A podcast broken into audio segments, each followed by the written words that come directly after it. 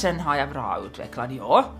Men så har jag mitt sjätte sinne som jag brukar ta till när jag ibland... Jag märker hurdan en människa är direkt. Kan märka ganska bra. Men ibland kan jag missta mig. Anna Sironen föddes för 33 år sedan och när hon var två månader kunde läkare konstatera att Anna var blind. För en person med normal syn kan det te sig obegripligt att inte veta hur grönt gräs eller blå himmel ser ut. Men Anna har istället utvecklat det man kan kalla ett sjätte sinne eller en känsla för hur andra människor ser ut och också hur de reagerar. Till exempel sådana saker som äh, jag var ute och äh, var på Borgbacken med faktiskt, vi var från detta ställe på Borgbacken för tre år sedan. Så hade jag en flicka med mig. Och när jag tänker så här att hon liksom... Jag märkte då att hon bara skötte sitt jobb. Att när jag försökte ha några diskussioner med hon så svarade hon mycket korthugget. Hon ville ha det där avståndet och jag kände på mig att hon tog avstånd. Tänkte jag då att du fick ingen levande dialog medan du gick utan hon bara koncentrerade sig. Förstås var hon ju ovan. Men du fick ingen sån här levande dialog om vad så här. Det här är Samtal om livet med Anna Sironen. Mitt namn är Tina Grönros och tillsammans med mig är ni nu välkomna att hälsa på i Annas radhuslägenhet i Karis.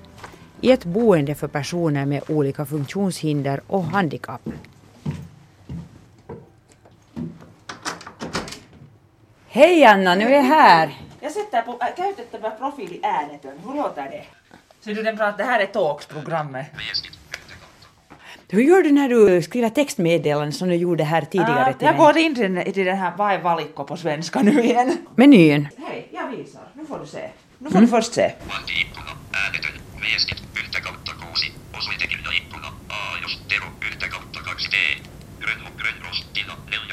Uh, den säger sitt ord för ord vad jag skriver.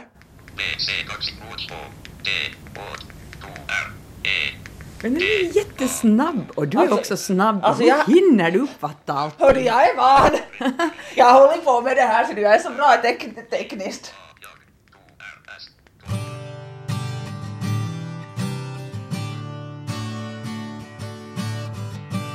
Jo, jag är Anna Sironen.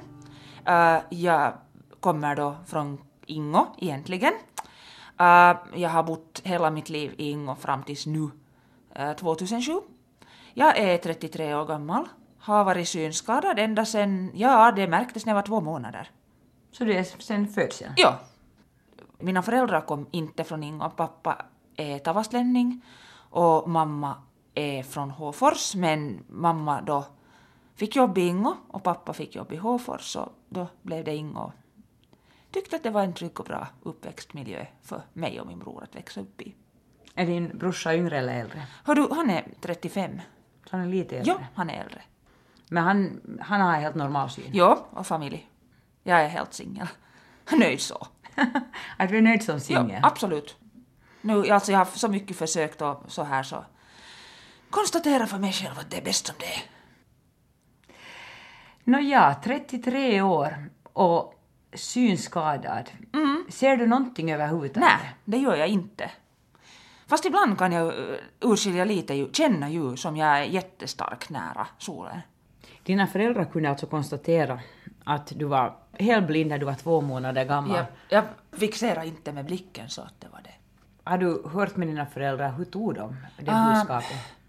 Ja, nå, inte var det nu kanske det trevligaste budskap, men man måste leva. Hur har det känts för dig då? Nå, här är man nu van. Nå, inte vet jag nu sen. Kanske någon gång i yngre, då när jag gick i gymnasiet och alla pratade om körkort, så nu var det ibland sådär vits som jag också skulle få ha. Jag har till och med provat på att köra bil när jag var 17 16 år. Oho. Så, ja. Men det var faktiskt med min skola så var vi faktiskt då. Först var vi på en teoritimme och sedan då på en praktisk timme. Så det var helt med tillstånd, för jag tänkte säga att du bröt mot många lagar annars om du var 16 år och dessutom inte ser någonting. nej, nej, jag har nog inte, nej, sånt har jag nog inte. Så det är det att du har kunnat ta körkort som kanske det som, som var mest tråkiga i, i ungdomen. I ungdomen, ja. Men man är så van vid det nu. Att, så så jag tänker att det som man kanske då saknar det mest när man hör att liksom, du vet, äh, typisk fredagkväll, du kör med bilarna. Stereon på full volym. Och det kommer vad det kommer där. Den där upplevelsen helt enkelt. När du skulle kunna vara passagerare. Absolut, och det är inte mig emot att det dunkar. Om till exempel någon åker med mig någonstans så skulle jag uppskatta att musiken skulle dunkat. Det som jag tycker också skulle kunna, man tänker att äh, för många handikappade överlag och mig själv, så har jag nog filosoferat som så att det är just till exempel sånt som någon kan sakna med att du sätter dig i en bil, kör någonstans och musiken är på, fast den är, vara på full volym. Så det tycker jag till och med att arbetare på sådana här ställen skulle kunna göra med klienterna. Faktiskt. Om klienten så önskar. Har du försökt eh, få, få dina, eh, ska vi säga, assistenter här att ta dig ut på åktur? Nå, nu har vi ju ibland åkt någonstans, det är ju sådär när vi ska någonstans och så vidare bortåt. Men vi använder nog mycket sådana sådana allmänna kommunikationsmedel. Mm. Och där går det inte att ha musiken på för fullt. Nå, inte nu kanske riktigt, nej. Men alltså om det skulle vara deras privata bilar så tycker jag nog att det skulle kunna gå. Så skulle man få den där känslan, att man är som alla andra, i den bemärkelsen.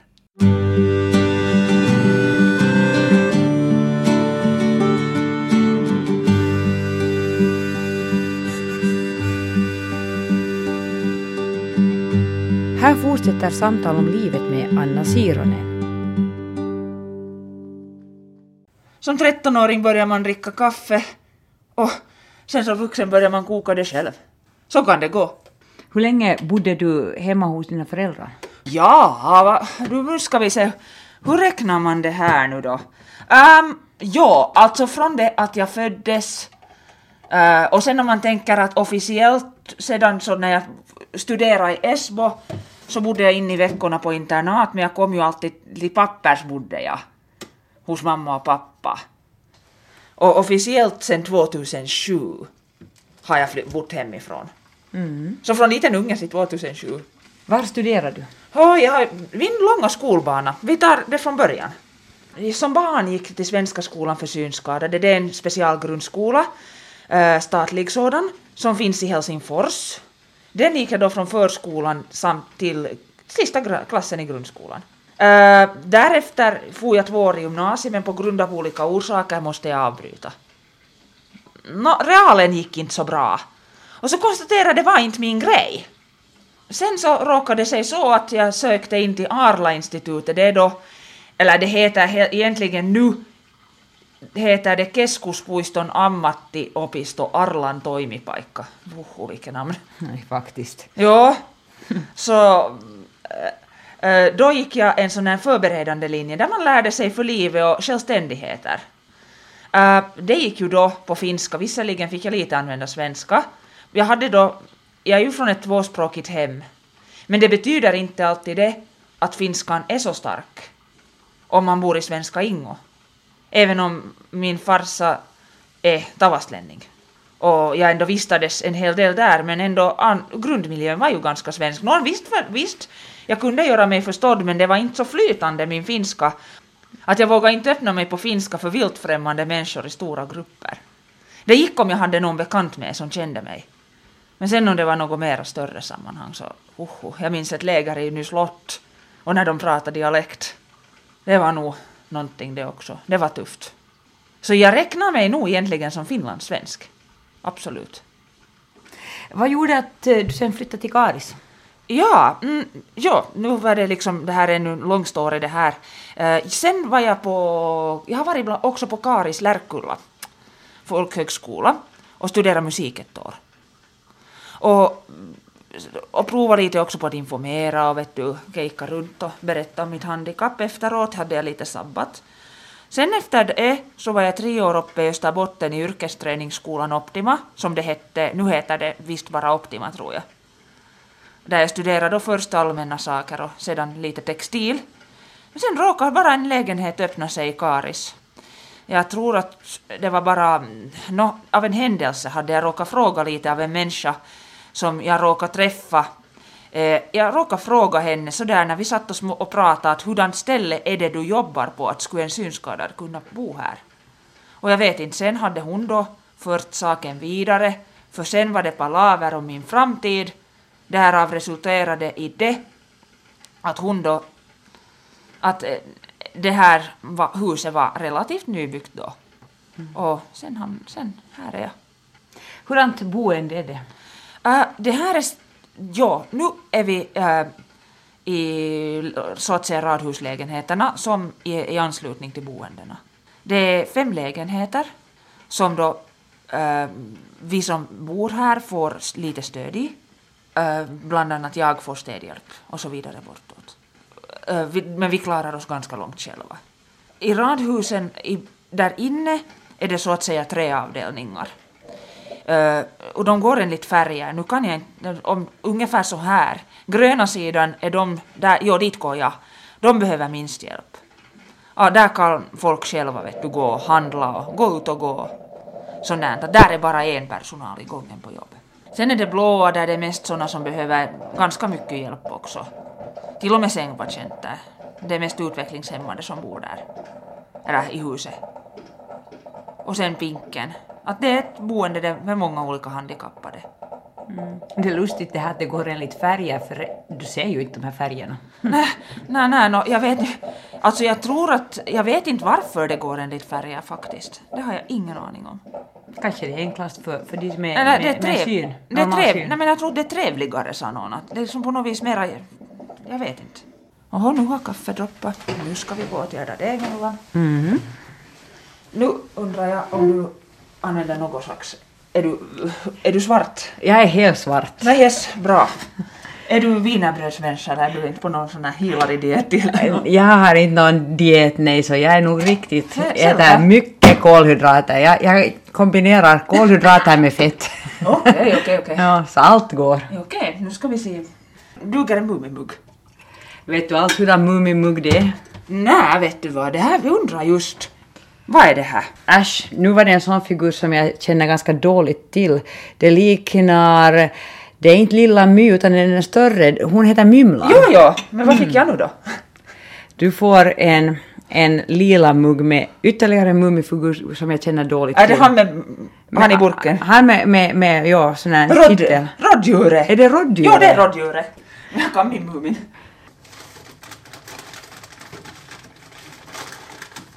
Mm. Nu, får jag, nu behöver jag lite synhjälp. Mm. Ser det här ut att vara det vad jag söker? Eller är det pastejer det här? Jag ska se. Tar du lite ut från... Får jag titta? Nej, där är wienerbröden. Jo, jag ger ett, får jag ge ett sådär? Jo, du ger, ger med, med kroppen här. Är med kroppen. Ingen ser vad vi håller på med hoppas jag. Nej, det är det som är det goda med radio. Ingen ser någonting. Men man måste kanske akta sig i radio vad man säger. Det är det. Mhm. No, du är en radiomänniska. Ja, Jo, definitivt. Jag kommer ihåg att varje lördag eller söndag morgon så lyssnade jag mycket som liten på Barnens gåva i Torne. Det var ett nostalgiskt och trevligt program på alla sätt. Det skulle man alltid banda. Och därav också då ett intresse för musik. Jag kommer ihåg som liten, liksom mina första musikminnen. Äh, åtminstone kommer jag ihåg musikprogram jag har sett i TV. Och då var det Toivotaan, Toivotaan kommer jag ihåg. Och jag kommer ihåg hur jag hela tiden ville höra just Carola Häggkvist också i TV. I TV? Jo. Mm, du, du lyssnar på TV. Det är som jag ska på sommaren nu med på Mark Knopflers konsert. Det väntar jag på med spänning. Mm. Och då ska du faktiskt med en vårdare Jo. som kommer på sin privata tid. Nej, hon kommer inte på privat, hon får lön. Ja, hon får lön för det. Jo. Nu, hur blev det så att, att du ska på, på den här Mark Knopfler-konserten? Det blev... Ja! Oj, hur blev det så? Var det du som fick det här infallet? Jag fick ett infall och jag trodde först att det var Dire Straits men så var det en av mina bekanta som sa att nej, du har uppfattat det fel nu att det är Mark Knopfler. Så funderade jag, vem ska jag, hur far vi? Och det blev ju sån här till och från att jag skulle ha farit på ett annat sätt. Men sen så hade jag ingenting att göra så skrev jag på punktskrift, hon ville öva sin punktskrift den här tjejen. Så skrev jag att hej, vill du komma med mig på Mark Knopflers konsert? Sen trodde jag att allt var klappat och klart att jo, jo, vi far ju bara. Så det blev nu förstås sen att fråga efter med cheferna och saker också. Att man måste fråga lov för den här med- människan är sommarjobbare. Så jag började tänka att ups, juridiskt månne hon får. Men sen tänker jag att jag är ju bara synskadad jag. Att mm, Så jag har ju nog kunnat gå med vem som helst.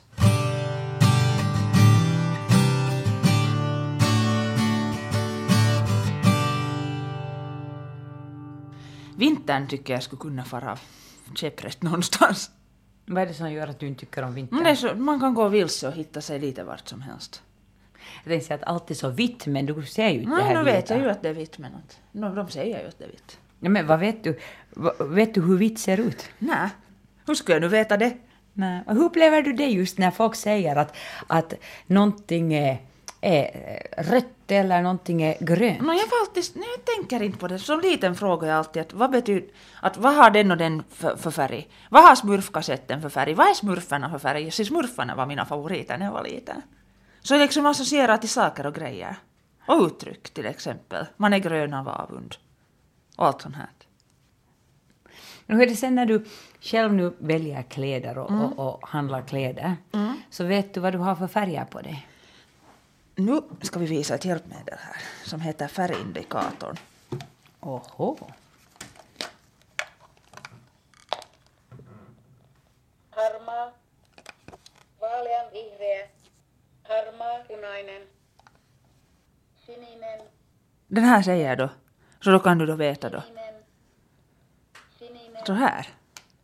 sininen, Oj, oj. Har du den med när du till exempel går i klädaffär? Nej, det har nog såna ledsagare som vet vad som passar mig då. Som min egen vårdare och kompisar och så vidare bortåt. Litar du bra på, på deras klädsmak? Och färgsmak? Och de vet vad jag tyck, brukar gå med. Så. Mm. och Hurdana kläder brukar du gå med? Lite såna, sån här som jag har nu. Ungefär. Som går lite i grått och... Och lite ljust. Och, jo, och lite svart här också. jo, jo. den. jo, jo. Vad har du för andra hjälpmedel förutom den där färgindikatorn? Jag har ju min käpp som vi sen ska se sen när vi förflyttar oss och ser på mitt jobb. Ja, vad har du för annat? Du har din vita käpp, du Sen har har jag min- färgindikator. vad har Daisy-spelare som jag då gör inslag med till medlemsbandet, den där som står där, du vet. Det är nästan lite ylestandard, den där bandspelaren där på bordet, ser du? Vänta nu. Här är en skrivmaskin visst? Nej, men- Nej, vad är det?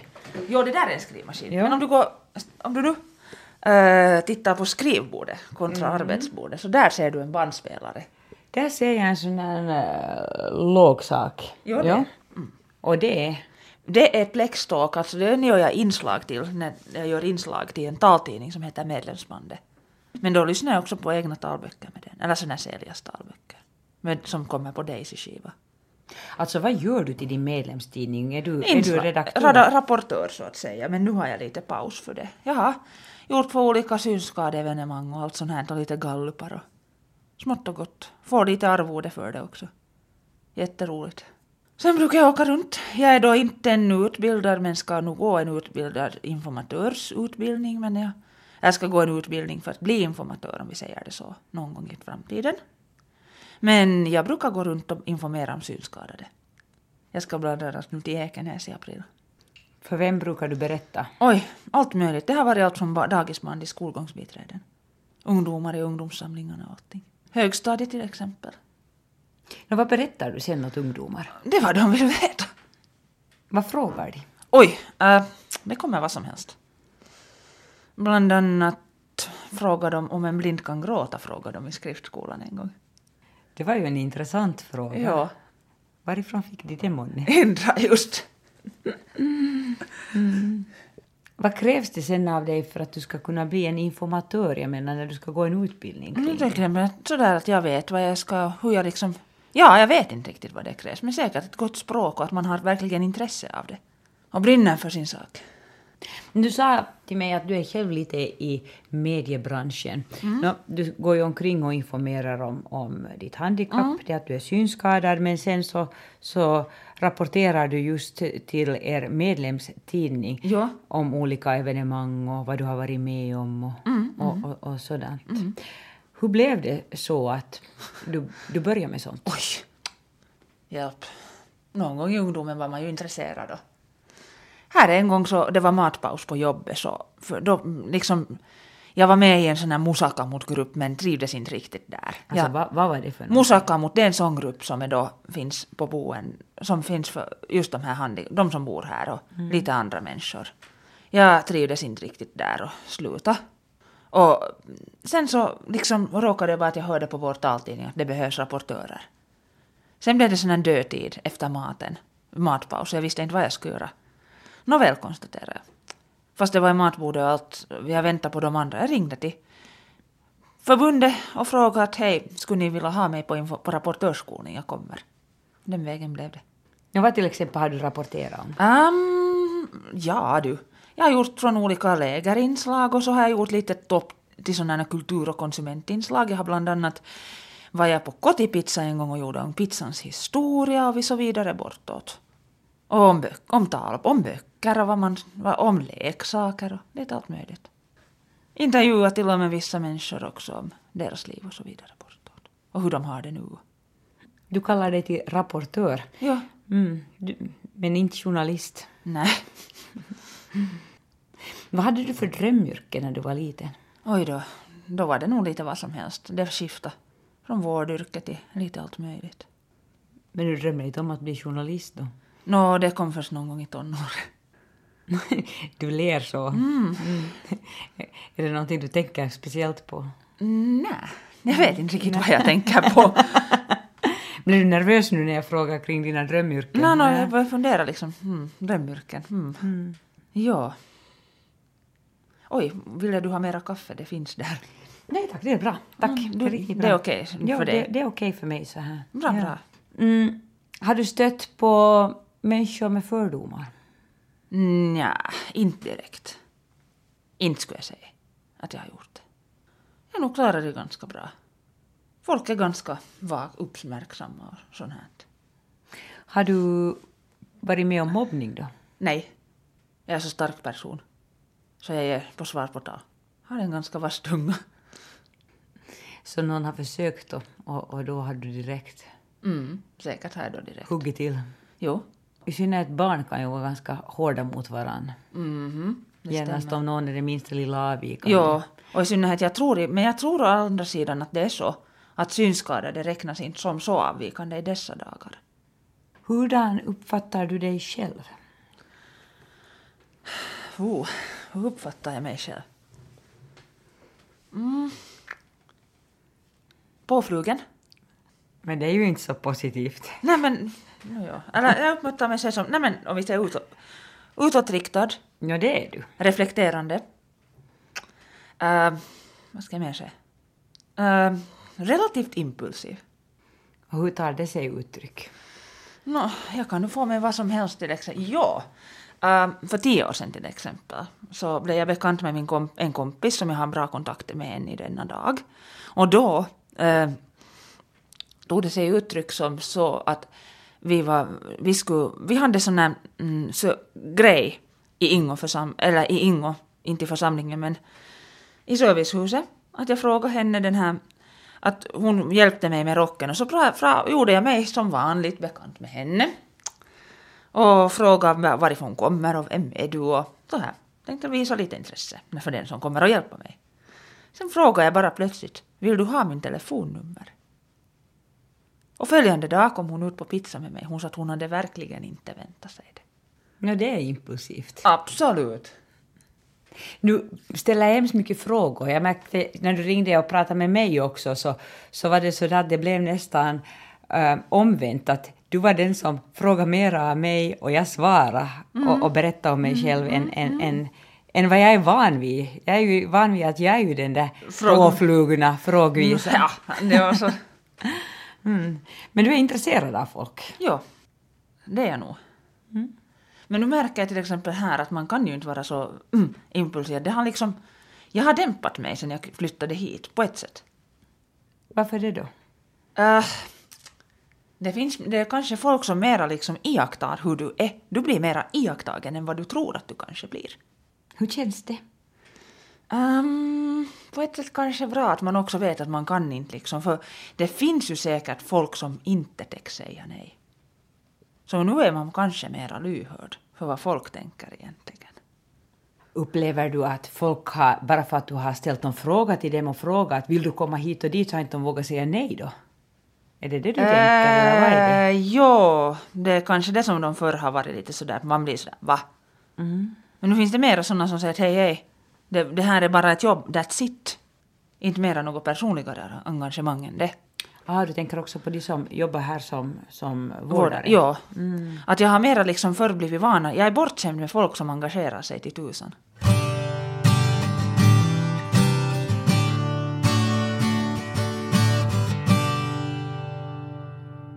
Den här konserten du ska på eh, med Mark Knopfler, när är den? 9 juni. I Helsingfors? då? Ja.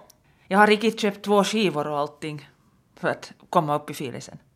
Har du varit på, på musik och rockkonserter tidigare? Jo, för fem år sedan var jag bland annat på Bon Jovis konsert.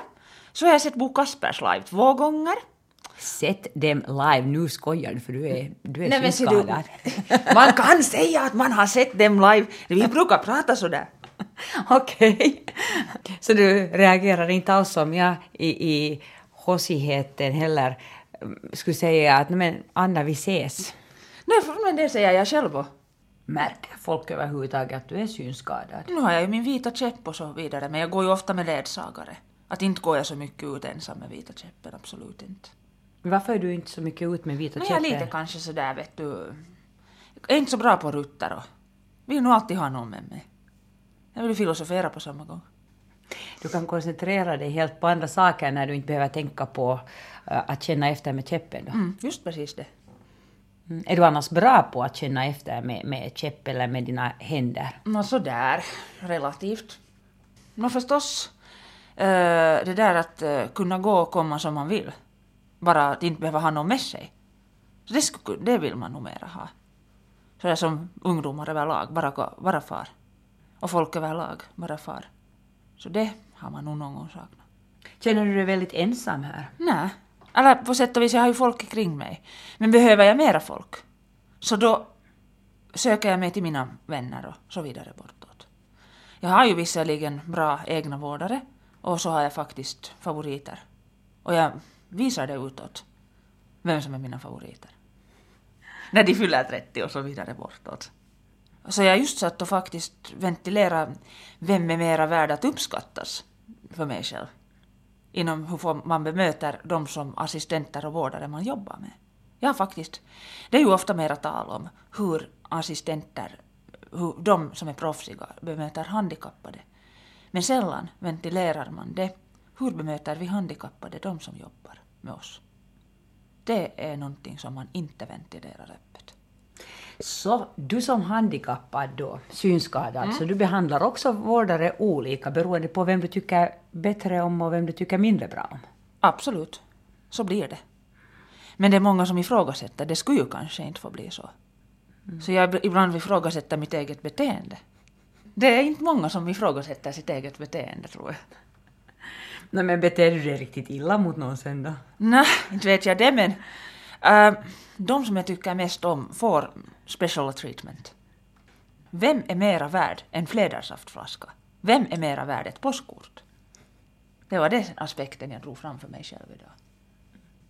Hur mycket tid har du att just filosofera och fundera? Ganska mycket också. Jag tycker om att filosofera.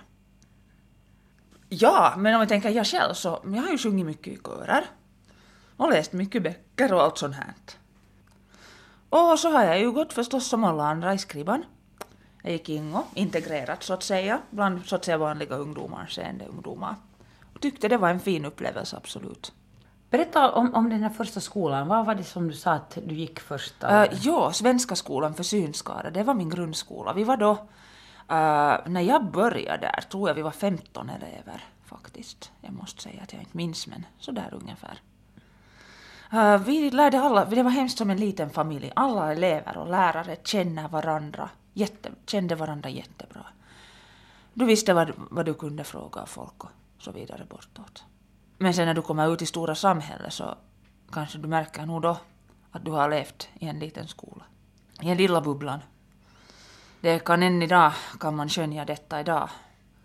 Att man har det där kanske, att jag vill åtminstone ha det ibland familjärare än vad folk kan erbjuda.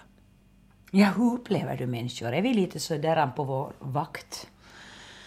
Uh, ja, vissa ja är först på sin vakt. Måste jag säga. Spontaniteten saknas ibland. Är du mera spontan tycker du? Lite för mycket ibland också. Du blir ju jättefort bekant med folk har jag märkt att eh, när vi träffades, eller egentligen talades vid i telefon första gångerna så, så var du jättebekant med mig. Ja, alltså jag måste säga ja. Men till exempel här märker jag nog det.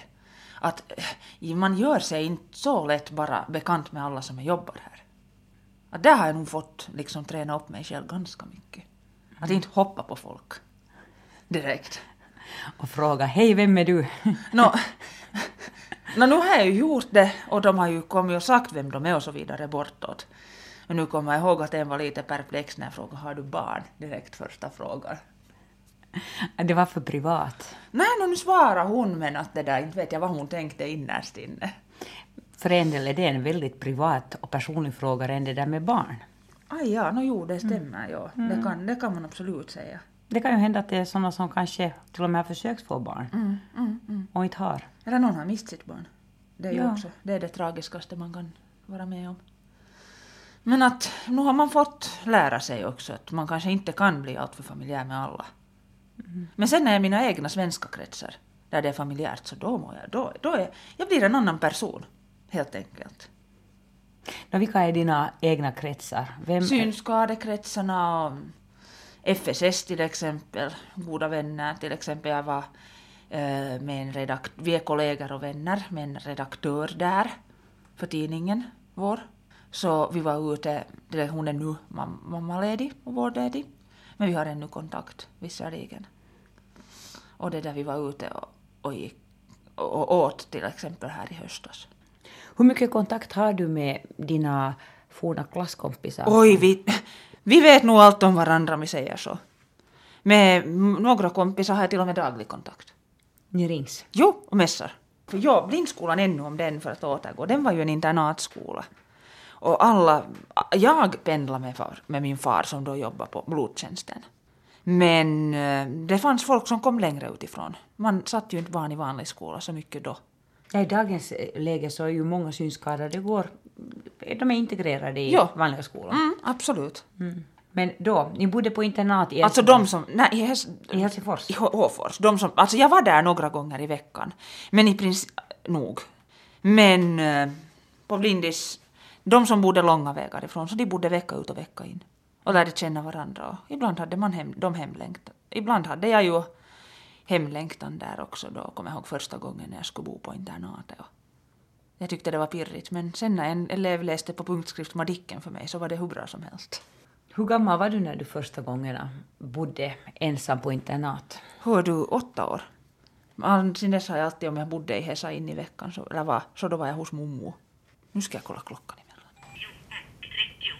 9.31. När borde du vara på jobb? Uh, jag sa att jag vet inte, men jag tänkte om man småningom skulle kunna söka sig utåt. Jo, vi skulle kunna fara till ditt jobb. Var jobbar du? Hör du här på där, Skyttegatan 4, det är den där toiminta, toimari där. En sån allaktivitetscenter. Ja, det står, alltså skytte, ampujan, du vet du, du går, vi går bara över vägen. Jo, det är helt nära här. Ja, Jo. vet du vilka jag menar? Det, Nå, jag har aldrig varit där. Va, vad har ni för verksamhet där? Uh, ja, du får komma in på min sida. Jag jobbar på finska sidan så att säga. Sysslar du med? Jag till exempel har en silppuri hommia där just nu. Förstör dokument. Ska vi kanske klä på oss då? Mhm. Och, och det där. Men jag kan hjälpa till att städa undan Nej, kaffemuggarna och det. Jag kan, diska, jag kan diska här hastigt. Ska du diska? Jag tar, jag tar muggen hit till, till Ja. diskhon. Jo, jo. Så kan jag diska så kastar jag kaffe och Jo. förföra roskisen och ställa min arbetskassa.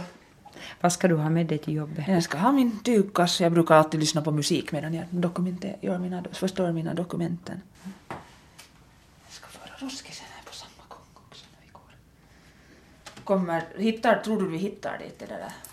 Du är nog lite orolig för att jag ska klara av det. Mm, så det, men jag tänker du, så jag måste ju tänka att det är en Ekenäsbo. Nå, är det någonting här hemma som du inte kan göra? Jag menar här... Jag är inte så bra att laga mat. Du är inte bra på att laga Nej, mat. men jag har nog kompisar som jag lagar med. Men nu ska jag, nu är mitt mål att jag ska laga en grekisk sallad här själv någon gång. Vad är utmaningen i att laga mat själv då? Nå, att man inte bränner sig och skär sig och så vidare bortåt.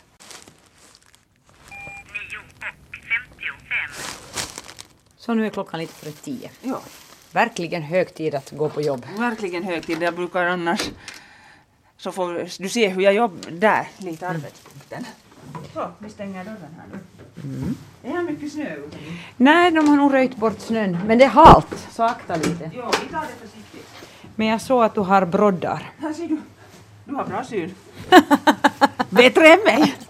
Ja, och nu har du vita käppen och den har du framför dig Ja, och känner efter. ja, ja.